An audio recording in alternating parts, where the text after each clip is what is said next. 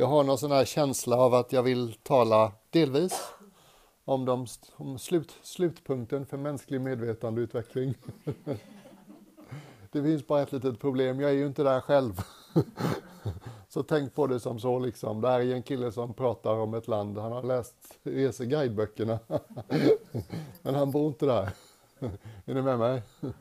Så att jag tar mig den friheten, men jag vill också göra det väldigt klart att det inte råder några tveksamheter.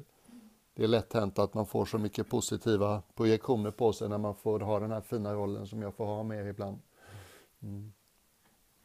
Men det är klart att jag är intresserad och jag har ju trots allt ägnat delar av mitt liv åt det här. Och även om jag är intresserad och även om jag tycker det är viktigt och intressant så är jag också lite skraj. För det som kan hända är att man tänker, jaha, han har inte blivit upplyst och han satsade på heltid i 17 år. och det verkar vara svårt och det verkar bara vara för ett fåtal och det verkar föregås av mycket bekymmer. Så jag, liksom, jag vill inte att ni fastnar i det träsket. För det är så lätt gjort, eller träsket är fånigt att säga, men förstår ni vad jag menar? Jag vill ju trots allt liksom lyfta och inspirera mer än jag vill ju liksom dämpa någons entusiasm. Samtidigt så tycker jag att det finns något som heter sanning. Det finns något som heter mer upplyst än andra. Det finns något som heter dröm. Det finns något som heter verklighet.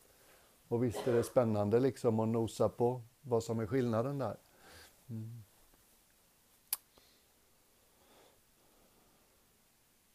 Jag vet inte om det är som jag har en känsla av att de flesta av oss gillar en riktigt bra konspirationsteori. Det är något smaskigt liksom med någonting som signalerar Åh nej, tänk om det är så här. Tänk om det inte alls är som vi tror. Ja, men har jag inte känt det hela livet? Att saker och ting är inte är som jag tror. Ja. Och jag tycker det finns en intressant parallell där med andligt, eh, med andligt växande, med den andliga resan. Eh, så vitt jag kan se så minst nio av tio av oss blir intresserade av andlighet när livet är lite tufft, när det är uppförsbacke.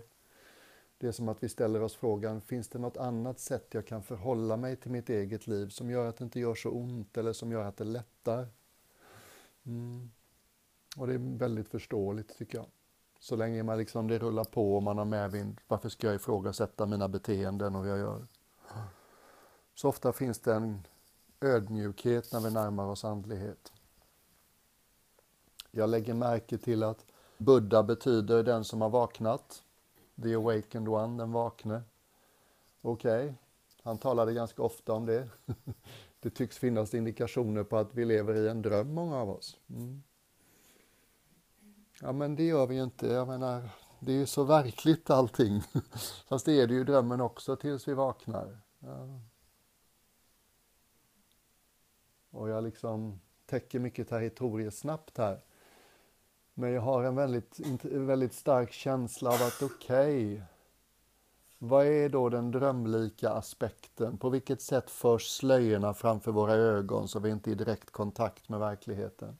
För hade vi varit det så hade vi inte missförstått saker och då hade vi väldigt sällan liksom mått dåligt eller känt oss olyckliga. Och en växande känsla som jag har det är att Väldigt mycket av drömmen handlar om det där lilla, lilla ordet som vi börjar så många meningar med. Jag. Det är lite intressant. Vi använder det ordet lätt och ledigt allihopa, massor av gånger varje dag. Mitt liv, min kropp, mina planer, min partner, mitt hem, mina tankar, mina känslor, mina rädslor, mina hang-ups. Liksom. Och allt det där, ingen ifrågasätter att allt det där finns. Men det där tänkta ägaren, är ni med mig? Det där som min och mig och jag pekar på. Det är inte så lätt att säga något klokt om det om man ska liksom uttala sig om det direkt. Är jag min kropp? Ja, alltså, jag är ju inte min kropp. Jag har väl en kropp, känner jag. Hade min kropp varit min sanna natur, det hade ju varit rätt konstigt och läskigt liksom. Aha, den blir sjuk när den vill, det kan jag inte göra så mycket åt. Den blir gammal, den dör. Det är ju rätt läskigt. Om det är min sanna natur, något jag inte kan kontrollera. Det vore som att sitta på en liksom buss utan förare någonstans i bakre raderna. Det är ju ganska läskigt. Tankar samma sak. Är jag mina tankar eller är jag, tank, är jag tankar? Nej, så kan det inte vara. När jag ska meditera så sätter mina tankar igång och gör precis vad de vill, hur som helst. Jag har ingen kontroll alls på dem ju. Det kan väl inte vara min sanna natur, min varaktiga essens. Och känslor då, är jag känslor? Ja, ibland kan det ju kännas så, speciellt när vi känner något väldigt starkt som är jobbigt. Då är det ju väldigt överväldigande. Känslor har ju den kvaliteten att de liksom sträcker sig eller de, är, de, är, de täcker allt för oss. Liksom. Det är bara det som finns just nu. Min sorg eller min vrede eller min rädsla eller min ångest eller vad det kan vara. Men nej, känslor kommer och går trots allt. Liksom. Och när de är över så är det ju lite som den där mardrömmen. Oj, vad hemskt det var, vad jobbigt det kändes och nu, nu är det faktiskt över. Mm. Och jag har många brasklappar kring det här ämnet märker jag, men det är bra att säga dem så att jag undanröjer missförstånd. Buddhan pratade väldigt mycket om det här och gjorde det väldigt tydligt att ja, det stämmer. att intressera sig för ordet jag och verkligheten som det förväntas peka på. Det är bra grejer. Där finns det mycket visdom att hämta. Samtidigt så just den delen av Buddhans lära, typ första tio år, eller första sex, sju åren som jag exponerades för den, så sjönk mitt hjärta varenda gång. Det var bara en känsla, jag fattar inte. Jag fattar inte. Så att det är också någonting, jag vill lägga det kortet på bordet för det är lätt hänt. Speciellt om man inte är van vid att tänka de här banorna så är det så här ett konstigt och ovanligt håll att vända sin uppmärksamhet. Många av er känner till Eckart Tolle. Nicka om ni har haft med honom, liksom stött på honom. Ja. Många har läst hans första bok som var så fantastisk. Den kanske klaraste boken jag någonsin har läst. Han liksom beskrev det själv när han skrev den som att han satte pennan till pappret och så bara kom det. Det var inte mycket. Det var nästan som han kanaliserade boken snarare än skrev den från sig själv. Och i den så beskriver han kort om sitt eget uppvaknande. Och då beskriver han hur eh, han gick hemma i sin lägenhet i England. Jag vet inte om det är Cambridge eller Oxford, men ett av de här fina universiteten. Han är tysk från början men han är supersmart så det var en akademisk karriär på gång. Han filade på sin eh, doktorsavhandling i hispaniska språk och han var djupt deprimerad. Och han gick på kvällen som han ofta gjorde i sin lilla tråkiga lägenhet och så dök tanken upp. Jag står inte ut med att vara med mig själv längre. Och så just han var en reflekterande person som mitt i den här misären liksom så tänkte han Ja, men vänta nu. Jag står inte ut och vara med mig själv. Hur många är vi här egentligen? är ni med? Liksom, om man ska ta språket på allvar så är det ju så man får tänka. Så han vände uppmärksamheten i den alldeles ovanliga riktningen. Liksom. Mig, jag, hur hänger det här ihop? Vem står inte ut med vem och hur förhåller de sig till varandra? Och då vidtog en alldeles automatisk, självständig process. Och ett par timmar senare så var det inte längre Eckart Tolle som tittade ut genom hans ögon. Utan det var rent varsevarande, pure awareness. Mm. Det fanns inte längre någon tendens att identifiera sig med ego. Det fanns inte längre någon tendens att tro på allt man tänker. Han gjorde en rätt härlig intervju några år senare med en av mina favoriter bland andliga journalister, Tammy Simon. Det är hon som driver Sounds True. Och hon liksom sa sådär, liksom, hon ville ha lite siffror. Eckhart, hur är det att vara upplyst? Jag vill ha siffror, inget, inget mjukt babbel nu. Jag vill ha fakta. Så sa hon liksom, hur ser ditt tankeliv ut sen uppvaknandet? Och då sa han, ja, jag skulle gissa att ungefär 80 procent av mina tankar har fallit bort. Det är intressant, liksom, en sån handfast siffra. Jag tror jag skulle må rätt bra av om 80 procent av mina tankar föll bort. och jag är rätt säker på att när jag behövde tänka så skulle jag kunna göra det mycket bättre. Om jag inte hade det här ständiga tugget om vad tycker de om mig och duger jag och hur ska det gå och varför är jag så, varför är jag så sönder? Och det finns, eh, pratade lite med dig om kristen meditation och buddhistisk meditation över middagen. Och jag har ju närmat mig kristendomen genom min buddhistiska väg. Så jag har inte förstått mig på kristendomen, jag kanske inte gör det fortfarande, men i viss mån tycker jag att jag gör det nu. Och det är ju genom min buddhistiska väg som jag har liksom närmat mig och försökt förstå den. Och min, eh, min favorit bland kristna, det är en, eh, en tysk präst från sent 1200-tal, eh, Meister Eckhart, lustigt nog samma namn som Eckart Tolle. Han var, eh, han var en rebell. Katolska kyrkan hade inte mycket till övers för rebeller. Han bestämde sig för att prata platttyska på sina högmässor. Och det gick inte hem, det skulle vara latin, det var inte meningen att de skulle förstå när man pratade. Det var en ritual liksom. Men han bara bestämde sig, nej, jag har upptäckt det här, jag har upptäckt vad ordet Gud pekar på. Det vore synd och skam på torra land och inte dela med sig så gott jag kan på ett språk som folk förstår. Och han blev dömd till döden för det här. Men eh, han eh, dog av naturliga orsaker innan de hann verkställa dödsstraffet. Och någon gång så ska någon ha kommit till honom och sagt eh, Meister Eckhart, jag skulle också vilja känna Gud. Hur gör man? Du får hålla det kort, det måste vara enkelt. Jag är en enkel person, jag klarar inte av långa komplicerade idéer. Och Meister Eckhart lär ha svarat, det är inte komplicerat, det är mycket enkelt. Allt du behöver göra för att lära känna Gud är att förstå vem som tittar ut genom dina ögon. Det är så här lätt att säga, svårt att göra. Men det är precis samma riktning, är ni med mig? Vem är den där personen som jag kallar jag? Som jag talar om titt som tätt. Som tittar ut genom mina ögon. Som känner smaken av maten jag äter. Som hör ljuden omkring mig. Mm. Som upplever känslor och tankar. Mm. Som har förhoppningar och farhågor. Mm. Och det är den ovanliga riktningen. Det finns nästan ingenting i vår samtid som uppmuntrar den, ska vi kalla det inåtgående rörelsen. Som när i hela mitt liv innan jag stötte på buddhism var det någon enda gång någon som sa har du tänkt på vad konstigt det är att vi använder det här ordet jag så mycket utan att veta egentligen vad det är? Aldrig hänt. Det fanns en stökig irländsk visdomskille vinkännare och travexpert, hästexpert. Han dog för säkert 40-50 år sedan, sån här gammaldags irländsk gentleman. Och han skrev några böcker. Han gav sig själv ett kinesiskt namn, Wei Wu Wei. Jag tror det betyder eh, icke-ansträngd ansträngning eller någonting sånt, liksom väldigt snyggt och kinesiskt. På någon av hans böcker jag stötte på i ett kloster så stod det på baksidestexten, något sånt här kort citat från honom. Why are you unhappy?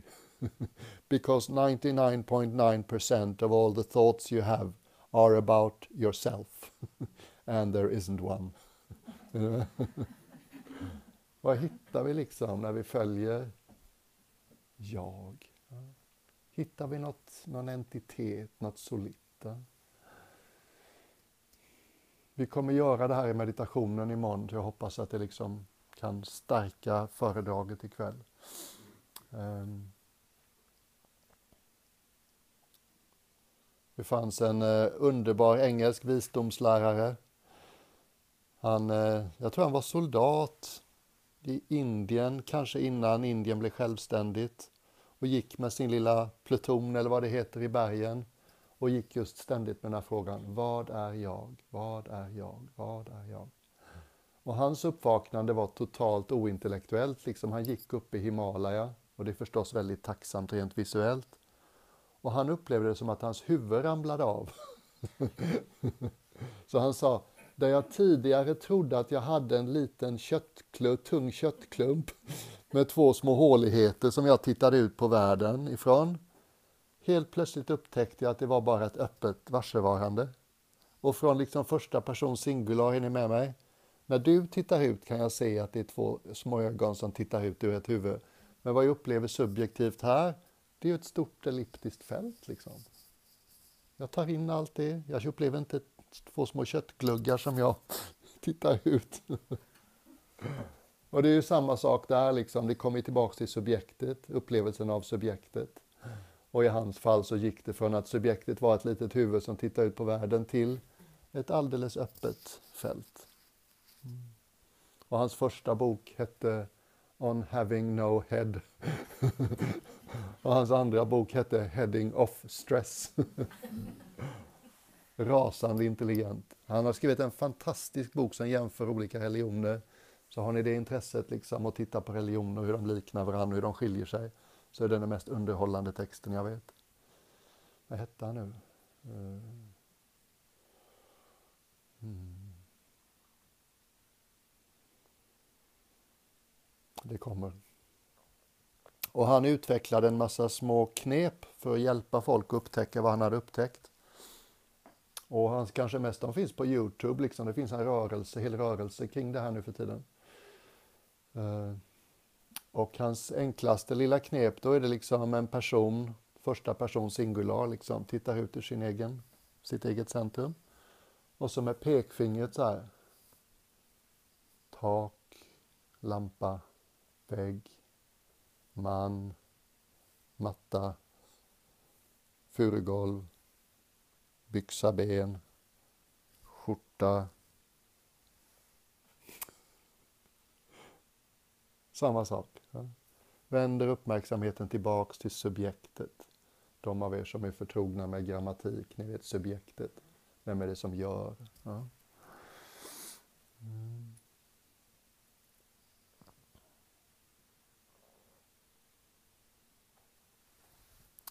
skogstraditionen som jag hörde, jo förresten en rolig historia som inte har med någonting viktigt att göra alls. Den här engelsmannen som jag är lite, Don, oh, Douglas Harding heter han, Douglas Harding. Uh, han blev ganska gammal och han kom och besökte oss i vårt kloster någon gång. Jag träffade honom inte själv, men jag hörde om att han har varit på besök. Och han hade sån här typisk brittisk humor.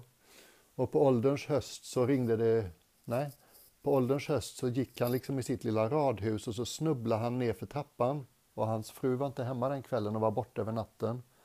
Så han låg liksom nere framför trappan vid ytterdörren och kunde inte röra sig för han hade brutit något ben ganska illa. Och nästa morgon så råkade Jehovas vittnen eh, knacka på. och de, du vet, han skrek väl inifrån och de hörde honom och så pratade de genom brevinkastet. Och så ringde de på låsmed och så löste sig allting och han kom till sjukhus. Men efteråt när han kom hem igen så gick han kring och sa I've been saved by Jehovah's witnesses.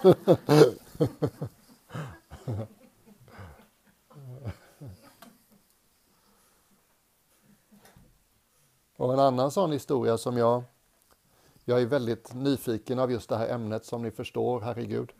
Har man levt utan sexöl i 16 år, sexöl och pengar i 16 år, så är det uppenbarligen något annat som har lockat ganska betänkligt.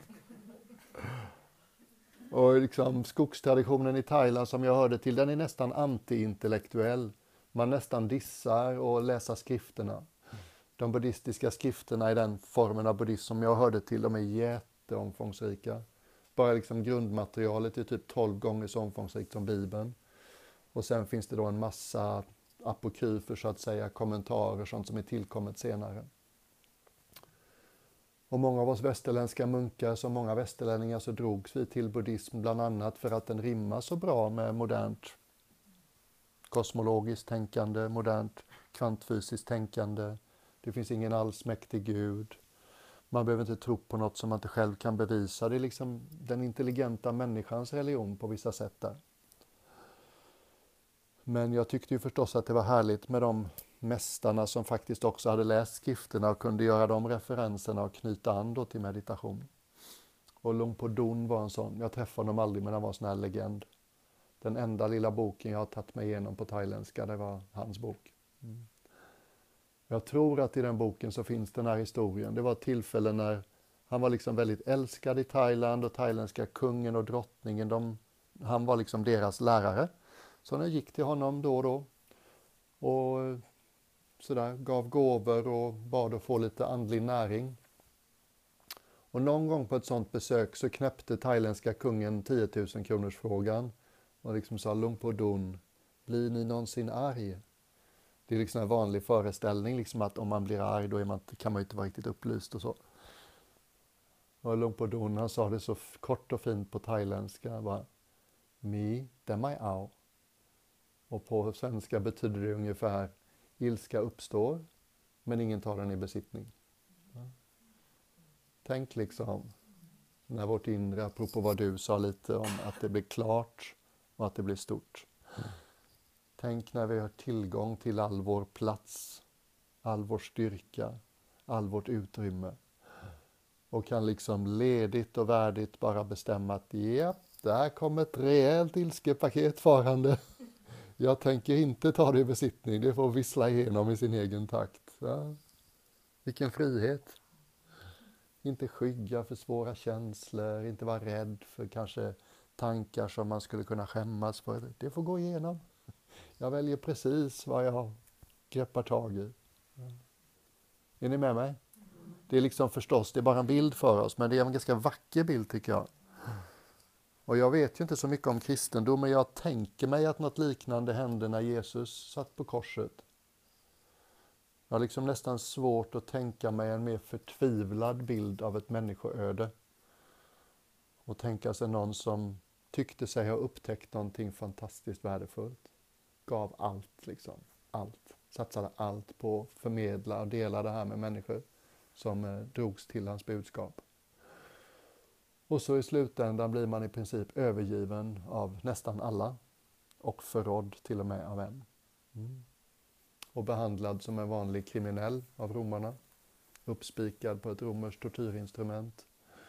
Vanliga dussinbrottslingar liksom på varje sida. Och det var nästan ingen som var med honom i den stunden. Vad var det hans mamma och Maria Magdalena och inte så många till.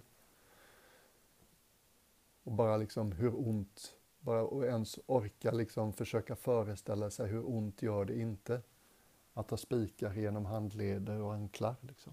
Mm. Det är bara så hemsk, hemsk bild. Och så i den stunden så börjar han till och med tvivla på det han har upptäckt. Och säger typ, min Gud, varför har du övergivit mig? Kan man tänka sig något hemskare? Han gav allt för det här. Och till och med det svajar han för helt plötsligt och känner att han liksom inte har, har tillgång till det. Mm. Och jag vet inte vad som hände sen förstås. Men det tycks som att för många liksom så handlar uppvaknandet om någon slags, man går in i ett mörker där man helt enkelt ger upp. Det här är för stort liksom. Inshallah. Och jag tänker mig att han gick från min Gud, varför har du övergivit mig? Så släppte någonting taget i honom. Han liksom bara slutade identifiera sig med det lilla, kalla det egot om du vill. Och i takt med att han gjorde den gesten så öppnade sig det stora och blev tillgängligt för honom. Mm. Och enligt berättelserna vi har fått till oss och nästa sak han ska ha sagt var ungefär Ske din vilja, inte min. Den här liksom överlämnandet mm. till någonting större. Och det är förstås bara min tolkning, men jag tycker om den tolkningen. Mm. Och den påminner mig också att även där så tror jag inte att det är en skäggig farbror med långt pekfinger i himlen som de flesta kristna ser som slutmålet med mänsklig utveckling. Mm. Utan att det är liksom den största skatten som ligger gömd i varje människohjärta som inte hör till någon religion förstås. Mm. Du och jag pratar ju lite kort där ute. Fastän vi visste att vi inte skulle prata så smyg, smygpratade vi lite.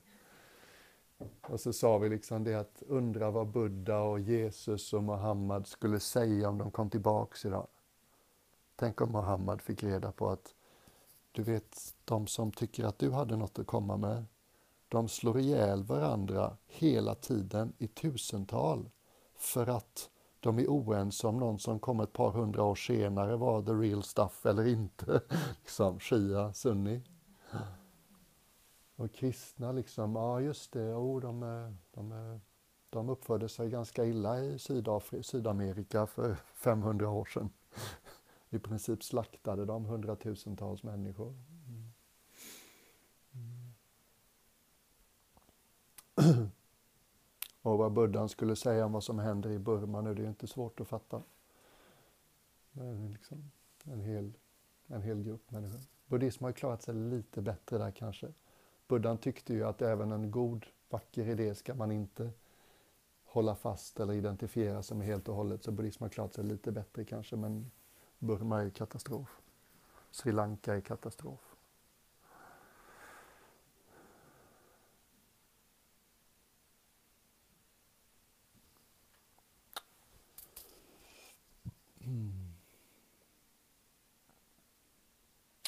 Då kan man ju liksom, när jag kom till buddhism så var det sådär stjärnögd, ni vet. Oj, buddhan är upplyst, det finns upplysta mästare inom traditionen jag lever i och man bråkade lite om vem man trodde och inte trodde var upplyst och sådär. Och så samtidigt hade jag någon känsla av att alltså upplyst eller som Jesus, då måste man ju bli sån så att man aldrig känner girighet, aldrig blir kåt, aldrig blir arg, aldrig blir ledsen, aldrig blir rädd, aldrig blir avundsjuk, aldrig blir svartsjuk. Och så tänkte jag, ska vi vänta till jag är där så kommer vi få vänta till kossorna kommer. och det var så skönt att sakta upptäcka att, aha, men det kanske inte handlar om att utveckla någon slags pers perfekt personlighet. Det är ju helt omöjligt liksom. Jag vet inte om jag sa det i mitt sommarprogram, men ett jättefint och viktigt ögonblick för mig, det var när jag hängde med liksom min, den västerländska munken som inspirerade mig till att bli munk utan att jag hade träffat honom. Jag hade läst böckerna som hade gjorts av hans föredrag. Och han hette Adjan Sumedo, en amerikan. Och så fort vi var i samma kloster så hittade jag ursäkter för att hänga med honom. Ska jag städa din hydda? Ska jag tvätta dina kläder? Ska vi gå hem till dig och dricka lite kaffe? Är du inte lite ensam? och han eh, gav mig mycket tid och lärde känna mig så småningom. Och det var inte det här jag tänkte berätta om, men det är en annan historia som jag tycker är fin. Så jag berättar den ändå, fast den inte har med dagens ämne så mycket att göra. Framförallt de tidiga åren i Thailand. Thailand är så ganska hierarkiskt som jag sa innan, man visar väldigt mycket respekt. De av er som har varit i Thailand har sett hur liksom vanliga människor behandlar munkarna nästan som om de var gudomligheter. Och så är det även inom kåren. Så jag satt liksom i hans hydda och masserade hans fötter. Jag hade hela kittet, ni vet, jag hade en liten eh, tygbit som jag la upp hans fötter på mina knän. Jag hade massageolja, jag hade gjort en egen liten massagestav. Och missförstå mig inte nu, den var inte elektrisk. Den var hand, handgjord i trä. Och han hade jättestora fötter och han hade problem med lymfan liksom, så han var alltid, alltid tillgänglig för en fotmassage, för hans fötter växte av att lymfan inte rörde sig. Så jag satt där, knådade hans fötter och gjorde kaffe åt honom och han berättade, jag tyckte så mycket om det. Och efter några år så, där så blev han lite, det var inte så ofta jag träffade honom, men så att det var en vecka per år eller så. Han kom till Thailand på besök ett par veckor varje år. Han bodde i England då. Och så efter ett par år så märkte jag att han var lite sådär mer reserverad, inte lika generös och spenderade tid med mig. Så här. Och någon dag när vi satt där och pratade, jag vet inte om jag masserade hans fötter, men vi var liksom tillsammans i hans hydda och pratade och drack en kopp kaffe. Och han sa något och jag sådär gnistrade med ögonen och tog in den här tidlösa visdomen som jag tyckte att han formulerade. Och då sa han till mig ungefär att, hörru du Nattiko, Nattiko var mitt munknamn. Vet du vad? Jag är lite trött och lite skeptisk på den här beundrande liksom, tonen i ditt lyssnande. Jag skulle vilja påminna dig om att när du hör mig säga något och du liksom känner i hela ditt väsen att det är sant och blir inspirerad och beundrar mig. Så anledningen till att du känner igen sanningen är att du har den själv. ja. Du kan, bara, du kan bara bli inspirerad av något du redan vet. Är ni med mig? Det var så fint. Ja, ja, just det.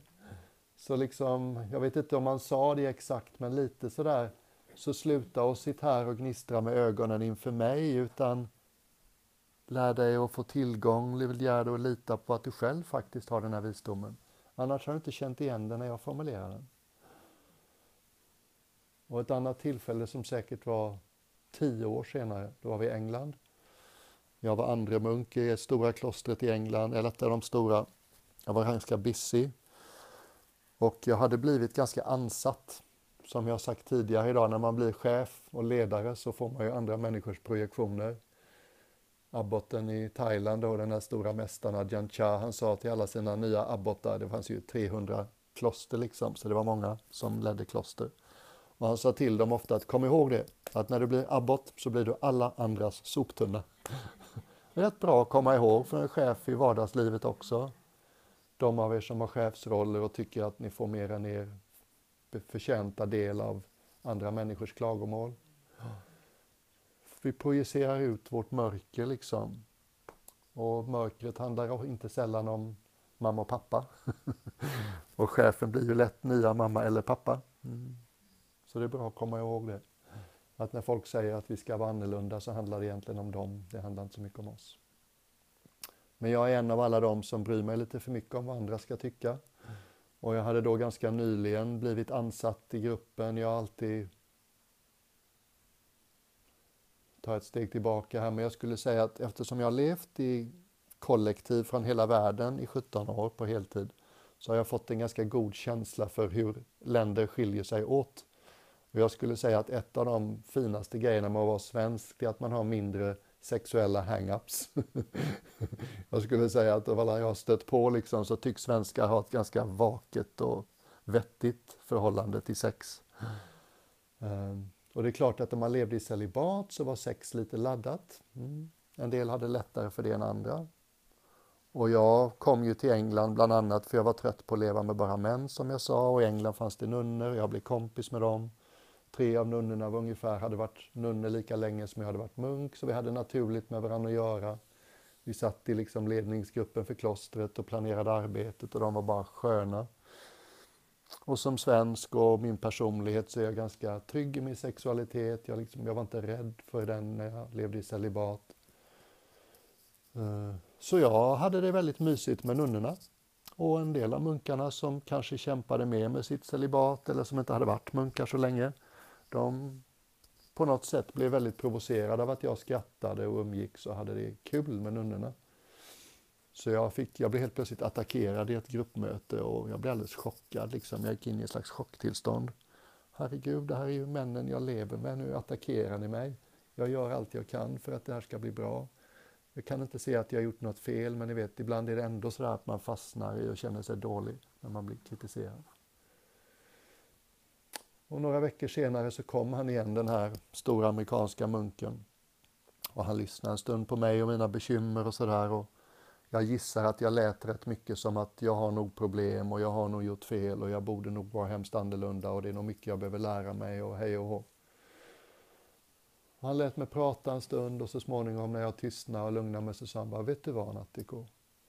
Det är många år sedan nu, sedan jag la ner det här självförbättringsprojektet. Och allt har blivit så himla mycket bättre sedan dess. Va? Får man det? får man liksom bli kompis med sig själv och tycka att man är okej okay som man är.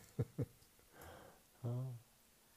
Och jag misstänker att det är liksom en påminnelse som många i Sverige idag behöver. Det är hopplöst att försöka bli något liksom mer som någon annan. Mm. Och jag kan uppleva att när vi har liksom tillgång till en lite mer närvaro när vi improviserar och leker och flexar och tar en sak i taget, när vi har lite mer tillit till livet, då faller väldigt mycket av våra hang-ups bort och vi blir en liksom härlig version av oss själva. Mm. Och att det på något sätt, det finns inget annat, alla andra roller är upptagna, jag kan bara vara jag. Ingen av oss bad om att få de här sakerna som hände oss när vi var små.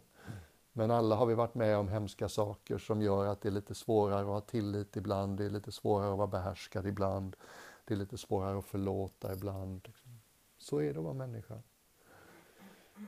Och jag försökte på mitt eget sätt i den här meditationen med hjärtat i morse och verkligen kommunicera det.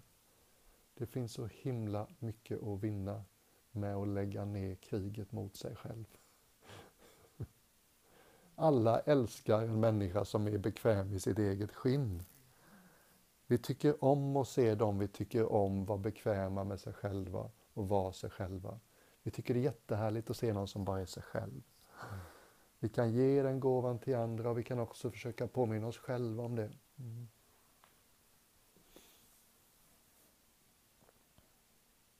En annan gång så var jag också upprörd, samma kloster i England, samma rum lustigt nog. Men en annan munk, den här munken som jag fortfarande har mycket kontakt med, Adrian Suchito. Han var abbot i England då, min bästa kompis så småningom. Jag var ofta andre munk liksom och hjälpte honom så gott jag kunde. Och så var det en munk som hade talat rätt mycket illa om honom. Och Adrian Suchito, han var ju lite liksom upptagen med gäster och projekt och så, så han hade inte alltid tid att hänga med oss andra munkar så mycket som vi hängde med varandra. Och jag blev bekymrad över att de unga munkarna fick sin bild av vår lärare och ledare av den här munken som var så kritisk, för han pratade väldigt mycket. Så jag gick till abboten Adrian Suchit och berättade om det här och sa att jag var bekymrad och uppenbarligen så var jag liksom, jag hade ett problem med det här.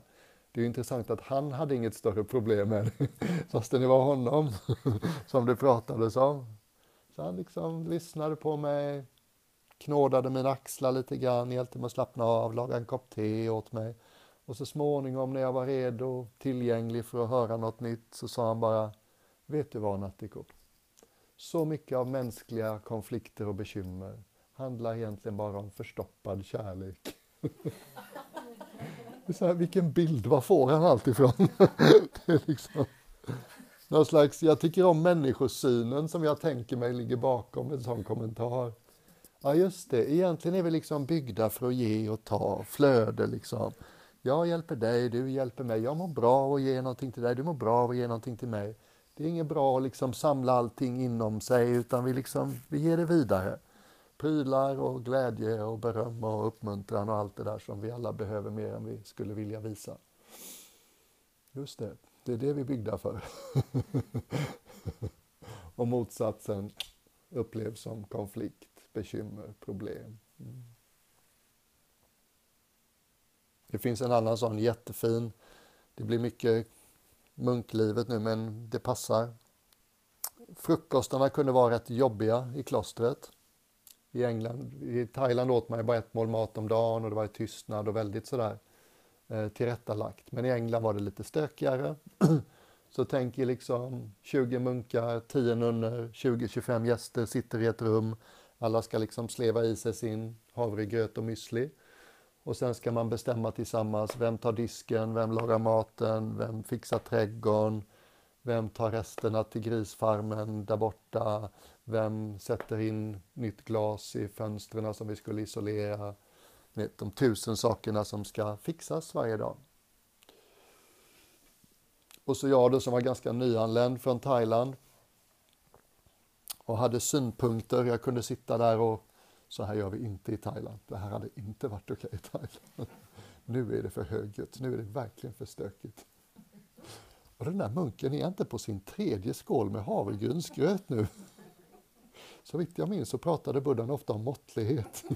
Det där ser inte ut som måttlighet. Och ska det vara så svårt att få sex volontärer som diskar efter maten? Och så småningom så lämnade alla och jag satt kvar för jag ville, tog alltid chansen att hänga med abboten Adjan Suchita. Och han var väldigt sådär känslig och inkännande och han såg nog på mig ungefär vad jag tänkte om den här frukosten.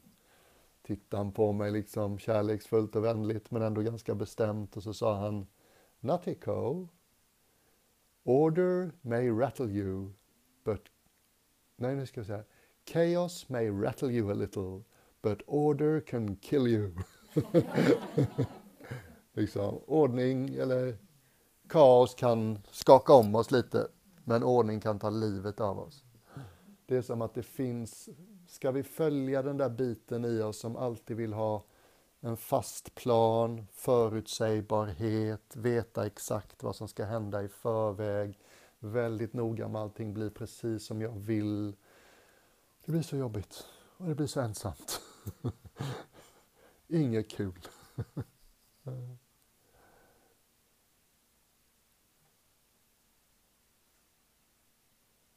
Det var rätt kul. Det blir väldigt sådär pratigt åt olika håll men det verkar vara en sån kväll. Jag tror att en del av mig också vill inte bli för allvarlig. Eller liksom, det kan låta lite högt och svårt det här med subjektet så jag verkar vilja kåsera lite på skoj nu istället. Mm.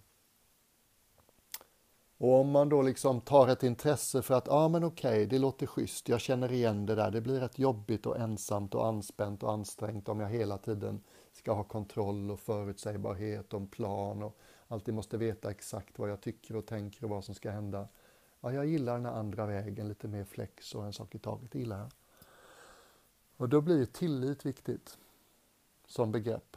Det är på något sätt motsatsen till kontroll är ju tillit. Kontroll är allt måste bli som jag vill.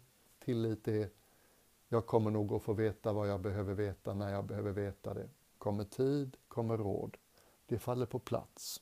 Är ni med mig? De här två krafterna lever ju alla med. Och en gång så satt jag i TV4s morgonsoffa på morgonen. Jag hade varit nervös hela natten. Eh, ingången var att jag skulle prata om stora livsförändringar senare i livet. Jag hade ju kommit hem från munklivet 47 år gammal och luspank och sjuk och ett CV som såg ut som Hej kom och hjälp mig. Så de tyckte väl att jag kanske har något att säga om stora livsförändringar senare i livet. Och så kommer vi in på det här ämnet och så, så tar jag upp ordet tillit och tänkte jag skulle prata lite om det. Jag sa någonting i stil med att, ja men du vet, Tilde de Paula var det då och Peter Gide. Ja men du vet Tilde, ibland stänger sig en dörr i livet för oss och nästa har inte öppnat sig än. Vi vet kort sagt inte vad som ska hända härnäst. Kanske är det ett jobb, kanske är det en partner, någonting har liksom slutat att finnas i vårt liv. Då är det ju rätt bra att ha lite tillit. Vi kan ju inte veta eller säga vad som ska hända härnäst. Och jag är van vid att en del, ska säga, det är lätt hänt att man känner sig lite provocerad av att ens bli påmind om att det finns ett sånt begrepp som tillit. Är ni med? Min kontrollerande sida vill inte ens veta att begreppet finns, för den vill alltid ha koll. Och Tilde såg ut som att reagera lite starkt på just ordet. Om hon hade varit en seriefigur hade hon kanske haft en liten sån här tankebubbla ovanför huvudet. Och där hade det kanske stått typ Lätt för honom att prata om tillit, gratis mat, gratis mat och husrum i 17 år. men hon sa någonting lite mer polerat, typ ja, ja men Björn trots allt, maten ska på bordet och barnen ska till dagis sådär. Det går inte att bara vila i tillit hela tiden. Nej, nej, självklart, sa jag. Och vet du vad till det? Det finns ett väldigt klokt talesätt inom islam om just det här. Inom islam säger man ha tillit till Allah, men glöm inte att binda fast din kamel.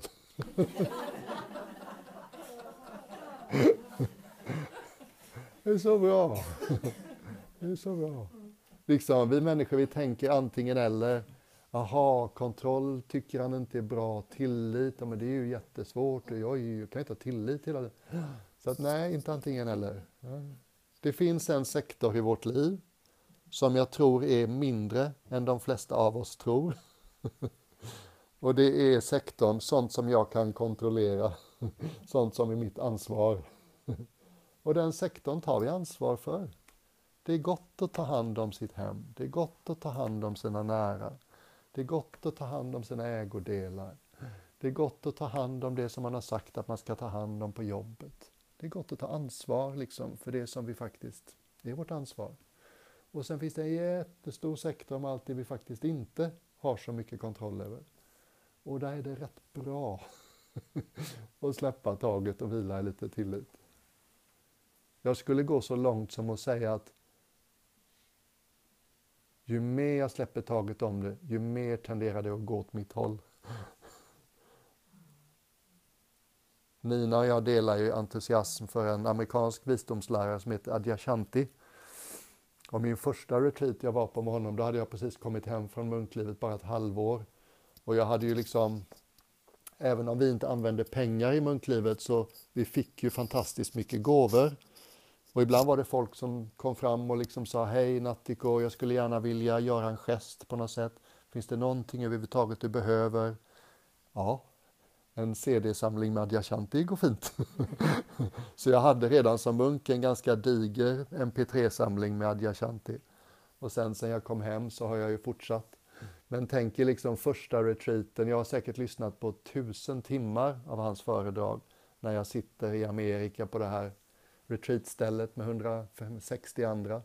Jag hänger ju liksom på hans läppar varje gång han säger något. Och då berättar han en sån här lite otippad historia där han, eh, han hade en lärare, lärarinna och hon var så här, hon hade ingen karisma egentligen så hon blev aldrig känd. Men hon var liksom fullt upplyst, hemmafru i Kalifornien. Ehm, hon låter helt underbar när han berättar om henne. Och eh, hon hade då liksom sin undervisning på söndagar så gjorde hon om sitt hem så ett rum som kanske inte var lika stort som det här men där la hon ut mattorna och så kom folk och så gjorde de vad de gjorde. Och hon hade en överenskommelse med sin man om att hon kunde meditera på morgnarna innan frukost. och hennes man var inte speciellt eh, intresserad av andlighet. Han var ganska slarvig. Vad vi skulle säga på engelska säger man, eller på svenska säger man väl en oslipad diamant. Han var liksom inte så förfinad i sin estetik. Och hon var väldigt sådär känslig själ på det, alla områden, inte minst det estetiska. Så hon tyckte en sak som hon tyckte var jobbig, det var att morgonmeditation, jättehärligt, var schysst att han gör frukosten. Men han dukade alltid så slarvigt. Det var liksom framslängt, ni vet sådär, det ser man ju med en gång om någon inte har ansträngt sig när de dukar. Och det är liksom, det skavde lite varje morgon när hon var färdig med morgonmeditationen. Gå ut till frukostbordet och se det här liksom, ingen kärlek, ingen finess, frukostbordet. Och så en morgon så bestämde hon sig att nej, nu ska jag verkligen jobba med den här hangappen som jag har i meditationen. Så hon liksom jobbar med det, jag vet inte riktigt hur. Och mot slutet av meditationen så är det som att någonting bara... Åh! Förstoppningen upphör. och hon liksom bara, åh! Åh, jag känner mig så fri och lätt. Jag kan vandra ut till ett slarvigt dukat frukostbord resten av mina dagar och det kommer inte sätta en rispa, en skråma i mitt medvetande. Det är en härlig känsla. Och sen när hon kommer ut till frukosten den här dagen så för första gången någonsin, det är jättefint dukat, blommor och grejer. Ja. Och på ett liksom intellektuellt plan så är det här helt omöjligt att förstå sig på. Det, liksom, det, det fattar man ju inte. Men jag tror på det. Jag tror på att när vi släpper världen fri så blir den mer samarbetsvillig. Säg att jag skulle ha invändningar mot dig som person, du vet, du är för mycket si eller för mycket så. Och så länge jag går och känner, tycker så, så kommer du förmodligen vara lite så med mig. Men om jag en vacker dag lyckas bara, kan inte, kan inte jag bara gilla henne som hon är nu och sluta och göra det, då kommer jag upptäcka att oj, hon har ändrat sig, hon är inte så där som jag inte tycker om längre. Och jag förstår när jag försöker peka på något som jag inte riktigt förstår. Vi frigör varandra genom att sluta gå och ha åsikter om hur andra ska vara. Mm. När jag liksom har någon invändning på min fru ibland så kan hon liksom väldigt klokt kan Elisabeth säga Ber du näktergalen att sjunga så slutar den. liksom. Jag kan bara älska dig så som du vill att jag ska älska dig när du inte har några åsikter om hur jag ska älska dig. ja, ja. Och det gör det väldigt vackert. Liksom. Vi är inte ensamma. Mitt uppvaknande, min väg mot lite färre hang-ups, den välsignar alla i mitt liv. Mm. Alla tjänar på att jag lämnar lite bagage, lite hang-ups bakom mig. Alla tjänar på att jag lär mig göra lite mindre så, lite mera så. Mm. Vi hade ett sånt klockrent tillfälle i England. Väldigt mycket munkhistoria nu. Men jag har tydligen ett behov av att få berätta dem. det var på sommaren i England så hade vi en härlig tradition att vi bara stack ut och vandrade några veckor. Ni vet, kloster kan bli rätt sådär, där är man hela tiden, det är massa människor, komplicerad psykodynamik, vissa gillar man, vissa gillar man inte, alla har ansvar. Det är ungefär som att bo på en tågstation, du vet. Tänk att bo på ett hem där vem som helst kommer dit när som helst och säger Ja, vad schysst ställe, kan man få bo här lite? Kan man få mat här? Rätt rörigt. Och eh, de av er som vet och liksom förstår att det var ganska sådär on the edge att gå ut och vandra för att man lagar inte mat, man lagrar inte mat från igår, man använder inte pengar så att man köper inte mat. Och i Thailand funkar det, för ser någon en buddhistisk munk eller nunna vid soluppgången så vet de, de vill ha mat. Men så funkar det ju inte i England. Och vi var ute och vandrade veckovis ofta, längre. Och då var det en av mina första vandringar, det var Isle of Wight. Så gick jag med en munk som hade växt upp på Isle of Wight, så han kände till ön. Den ligger liksom söder om engelska fastlandet.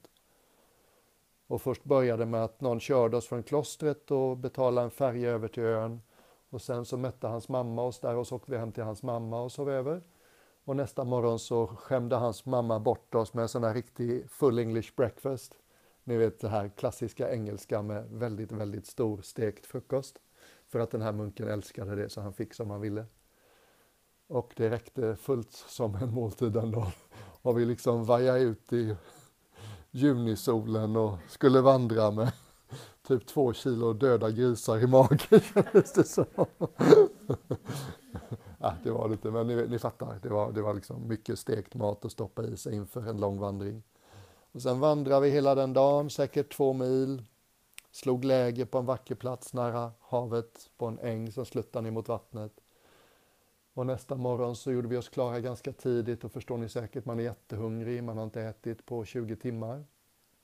Vandrar in till den nästa lilla kustby på den här turistön.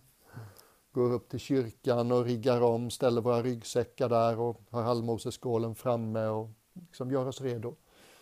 Ställer oss på High Street utanför livsmedelsbutiken, typ ICA. Tusen pers går förbi liksom. Inte en vuxen nästan visar att de lägger märke till oss. Barnen säger ju något ofta liksom. Och barnen kunde säga typ Mami, mami, does he have a snake in his bowl? Du har sett någon bild, ni vet, av någon indisk ormtjusare med sådär. Vad var det någon annan sa? Ja, någon trodde att det var en trumma som vi hade på magen fast det var våra allmoseskålar sådär. Ja, så man blir lite nervös. Oj då, man är så hungrig så benen darrar. Vi flyttade oss, stod utanför en eh, frisersalong 200 meter nerför gatan. Rätt snart kommer polisen och säger ja, de har ringt från frisersalongen, de klagar. Ni skrämmer bort kunderna med era frisyrer.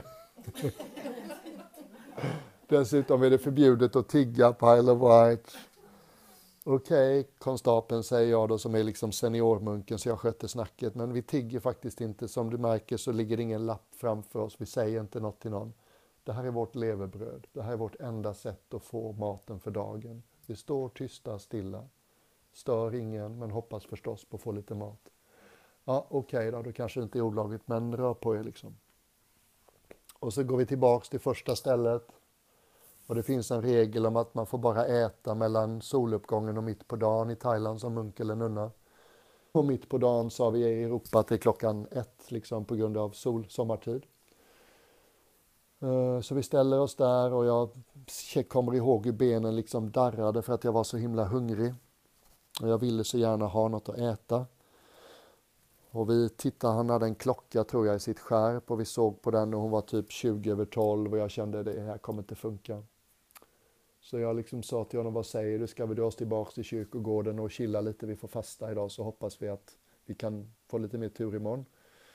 Nej, sa han, lite till, lite till. Han var liksom yngre och starkare och piggare än jag.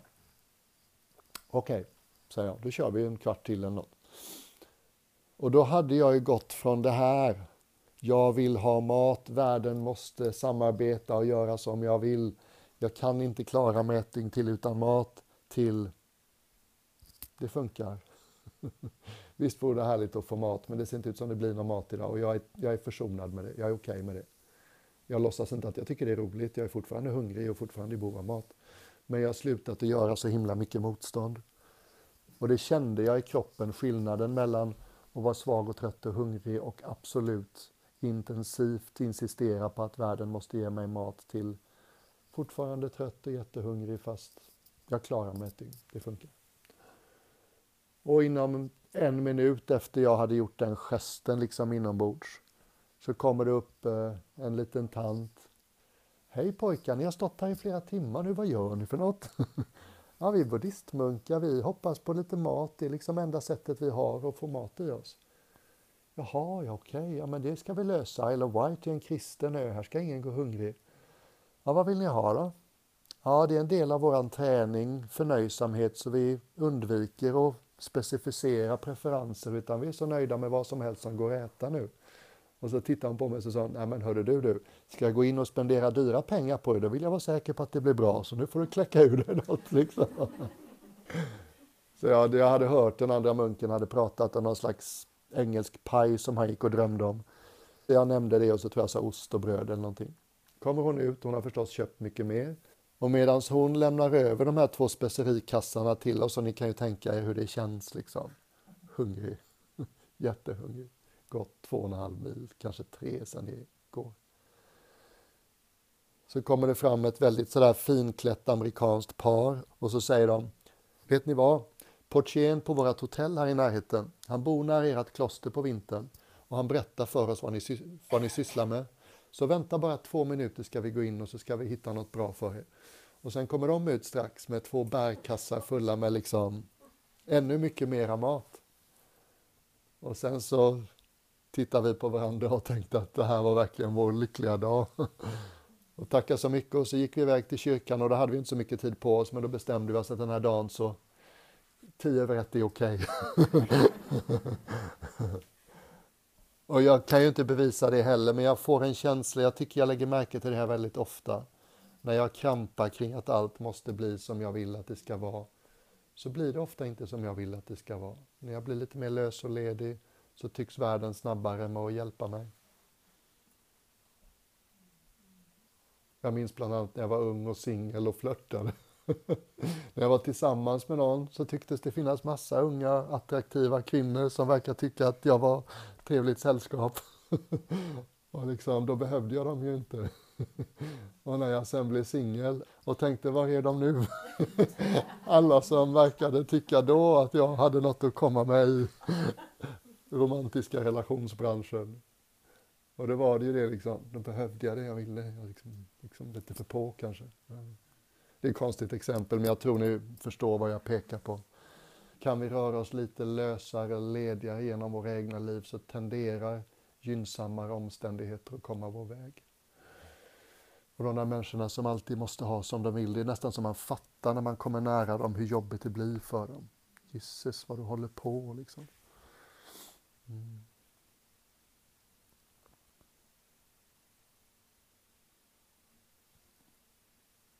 Oj, vad tiden gick. Där flög en timma iväg.